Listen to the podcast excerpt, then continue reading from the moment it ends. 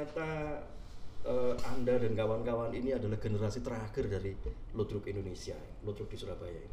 Betulnya banyak ludruk-ludruk muda di Surabaya, tapi eh, yang mau eh, gila seperti luntas itu kayaknya nggak ada. Bahkan kita itu dianggap eh, merusak pakem ludruk itu sendiri. Teluntas akhirnya mengakui bahwa mereka adalah kelompok ludruk yang gila. Iya, memang.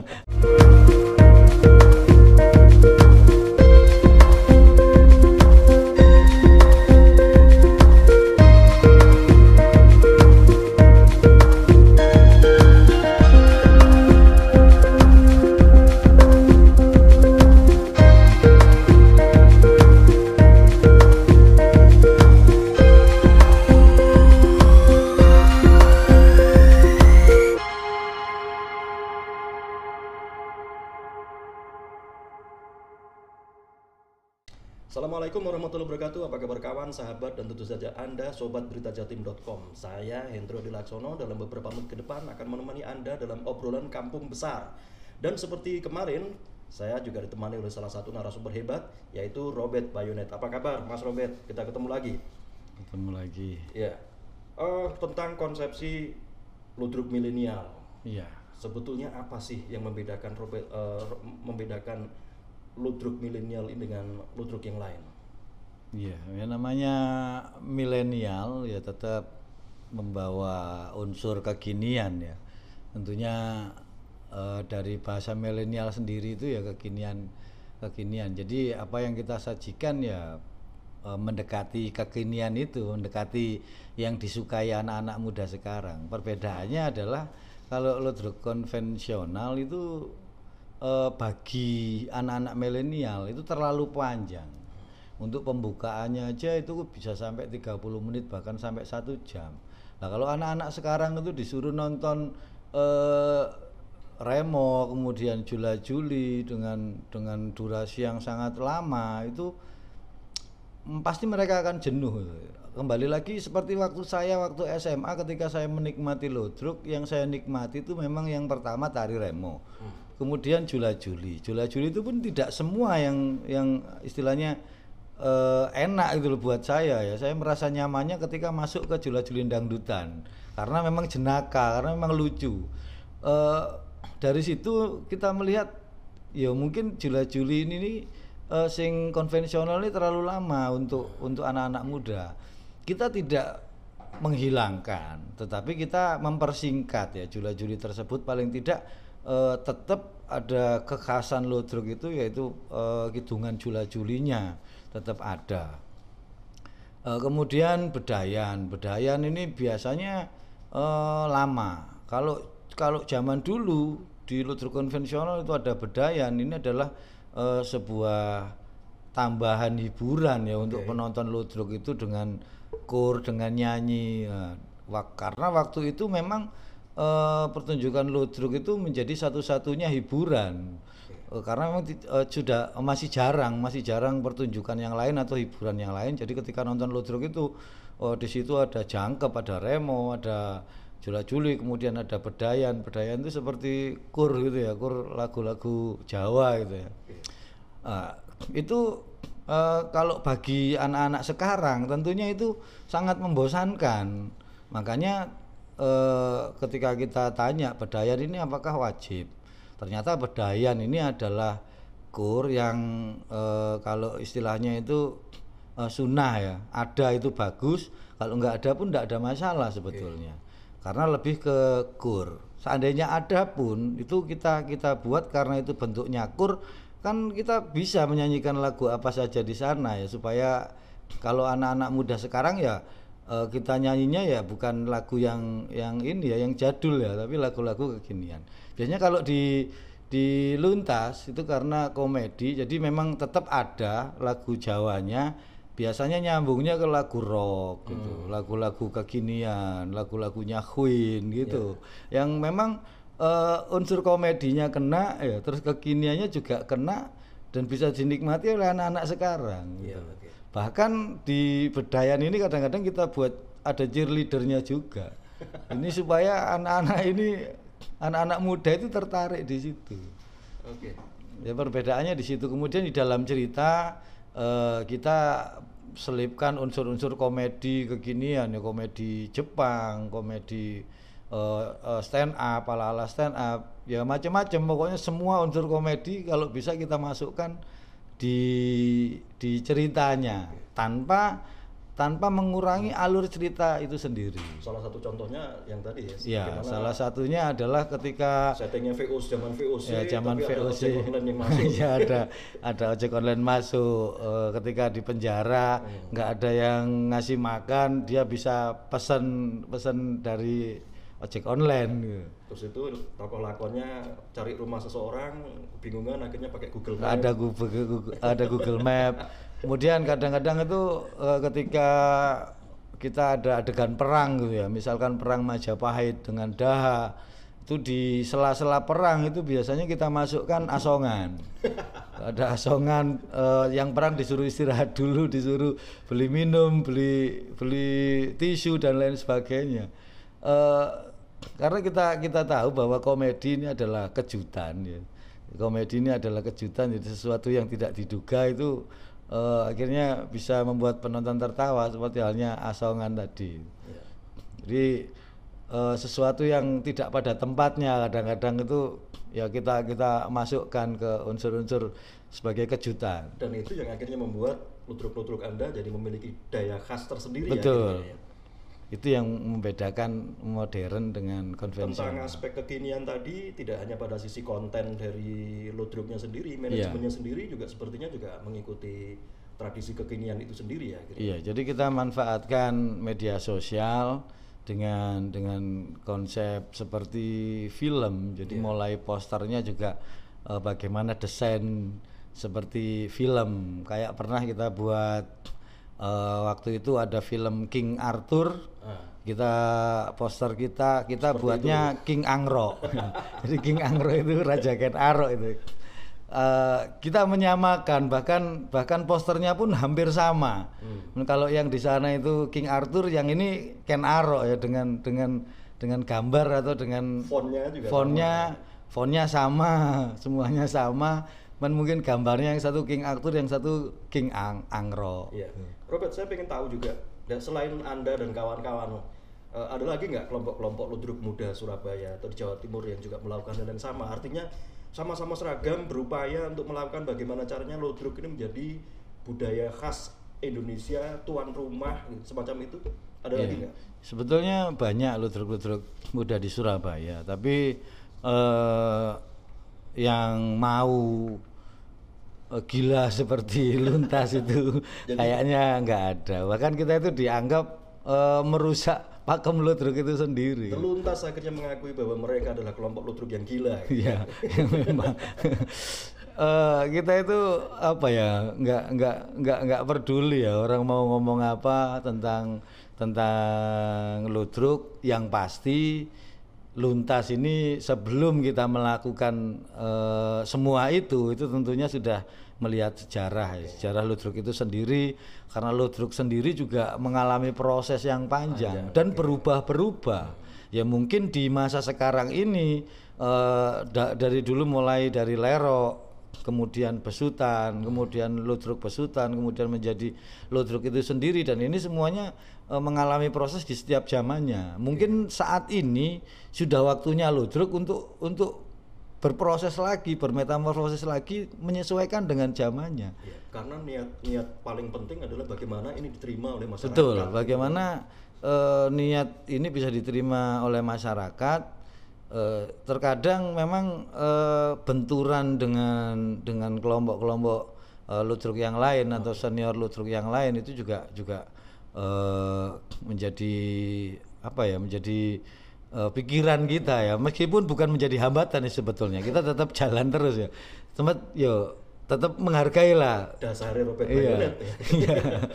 Yang terpenting adalah ketika kita tampil di mana pun eh, kita nggak peduli eh, kita dianggap apa ya masih opera, masih sandiwara, apa pun monggo terserah. Tapi ketika kita hadir di masyarakat, ketika muncul tari remo, kemudian jula juli, kemudian masuk cerita, sudah pasti masyarakat akan ngomong lagi ludruk Iya.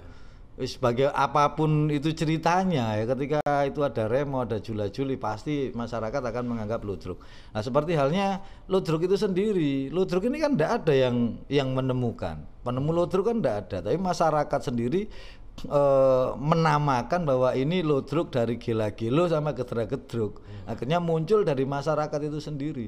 Luntas pun demikian kita tidak tidak perlu kok diakui iki ludruk atau duduk ludruk itu tidak penting buat kita.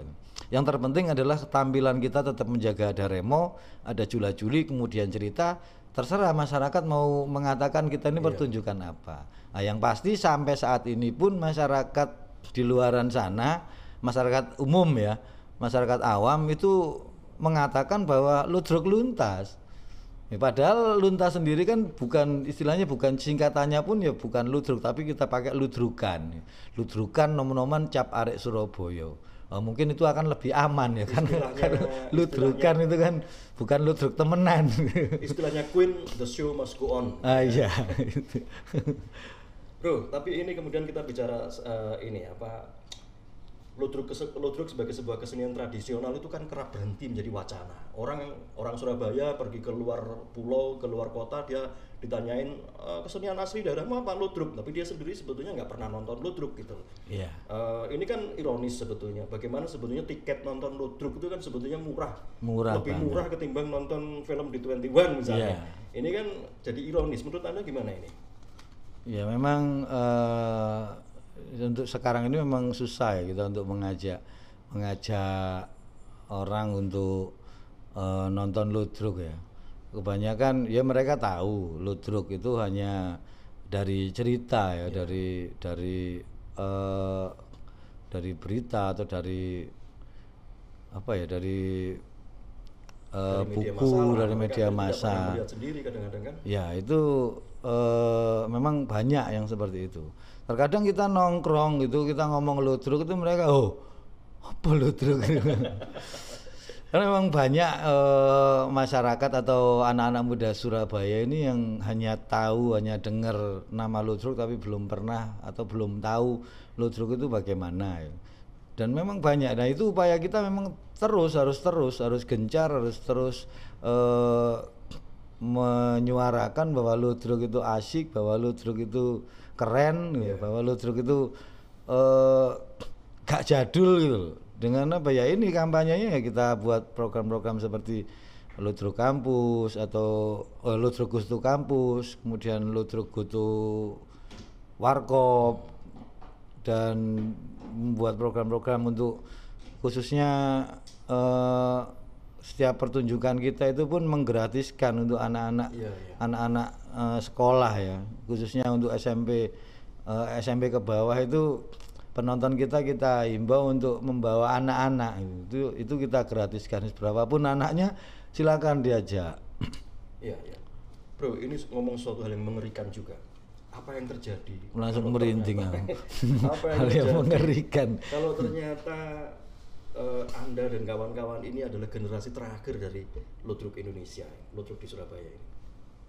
Ya, jadi kalau kalau saya sendiri sih ya memang sangat menakutkan ya ketika generasi sudah nggak ada sudah hilang nah, makanya bagaimana upaya kita saat ini kita mengkader eh, memang eh, teman-teman anak-anak muda khususnya di Luntas ini untuk untuk apa ya untuk mencintai seni budayanya tanpa syarat ya tanpa syarat itu dalam artian wis gak ngitung apa-apa. Teman-teman luntas ini memang dari dari awal memang sudah kita tanamkan bahwa di sini bukan untuk mencari uang, kita di sini memang benar-benar eh, kepingin biar lustruk tetap ada. Jadi eh, ini ngomong tentang keikhlasan, gitu ya, keikhlasan dari teman-teman. Jadi memang yang luar biasa ini memang teman-teman ini yang sampai sekarang masih terus ya masih terus eh, menggeluti seni tradisi ludruk walaupun tanpa eh, tanpa istilahnya tanpa bayaran apa pun gitu dari dari ludruk ini Jadi kalau saya sendiri sih tanpa teman-teman ini saya bukan siapa-siapa. Justru yang luar biasa ini bukan saya, justru teman-teman ini. Saya kan cuma hanya obrak-obrak saja, bukan konsepnya bagaimana. Tapi yang kalau tanpa teman-teman luntas ini tidak akan bisa seperti ini. Iya. Eh, ini akhirnya jadi pertanyaan yang klasik, mungkin terlalu umum dan mungkin anda juga agak sebal dengan pertanyaan ini. Eh, sebetulnya apa sih yang harus dilakukan oleh kami ini, bro? Yang harus kami, yang harus dilakukan oleh masyarakat, yang harus dilakukan oleh sorry ya pemerintah gitu, ya. Iya. harus yang harus dilakukan yang lain, media massa. Apa yang harus kami lakukan agar apa yang dicita-citakan oleh kawan-kawan eh, Ludruk Muda Surabaya ini bisa terus tumbuh dan Ludruk menjadi tuan rumah Iya, kalau untuk masyarakat umum sih enggak, enggak banyak sih harapan kita. Harapan kita cintailah seni budaya lokal seperti Ludruk dengan menonton saja. Nonton saja itu juga juga termasuk support bagi Ludruk sendiri ya. Karena apa artinya sebuah pertunjukan bagus, sebuah eh, upaya pertunjukan konsep kekinian kalau tanpa adanya penonton ya. Memang kita harapkan untuk masyarakat untuk eh, bisa nonton saja itu sudah luar biasa. Untuk teman-teman media ya ya eh, sesuatu yang didengungkan terus menerus itu eh, akan mungkin yang mungkin kalau pertama ah biasa, tapi kalau kedua apa sih?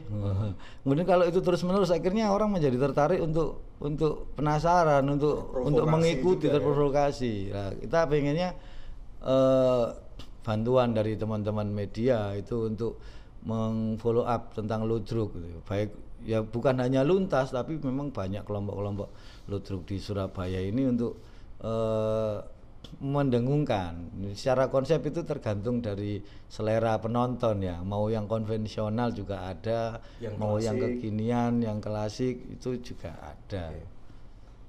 Terus tadi yang apa yang harus dilakukan oleh pemerintah? Aku Waduh. ngerti, dia kan seneng ngambil pertanyaan gitu, tapi Iya.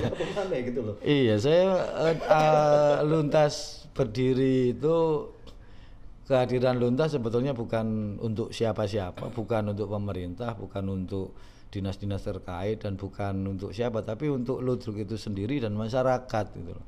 Kita hadir kepingin eh, menyelamat, oh, wah koyok koyok koyok koyok superhero ya intinya kepingin menyelamatkan ludruk Ya, tetap ada. Yang.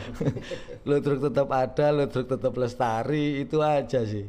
Eh, kita hanya kepingin ruang budaya terbuka, ruang budaya terbuka untuk seniman-seniman ludruk yang lain ya, karena eh, sebuah pertunjukan itu tidak akan bisa berjalan kalau tidak ada tempat, kemudian kelompok ludruk itu sendiri dan penonton. Yang pertama memang harus ada tempatnya. Nah, tempat-tempat eh, ruang budaya di di Surabaya buat kita apa ya sangat minim gitu ya. Bahkan nggak ada ya untuk untuk seniman yang kelasnya kelas eh, menengah ke bawah seperti ludruk ini ya. Apalagi di masa pandemi seperti sekarang. Apalagi di masa pandemi ini ya kita harapkan eh, sebetulnya kita nggak berharap apa-apa sih dari pemerintah itu, atau kita bisa mandiri ya, karena nafas kita adalah nafas ludruk itu sendiri. Ludruk eh, ludruk mempunyai nafas adalah berjuang secara mandiri ya, tanpa tergantung dengan siapa pun. Jadi eh, kita bisa bergerak bebas. Dalam artian bergerak bebas begini, kita bisa ketika kita tidak minta bantuan siapa pun, kita juga bisa misalkan pemerintah kita bisa ini bisa menyampaikan saja bahwa seniman itu butuh ini butuh itu tanpa risih gitu loh.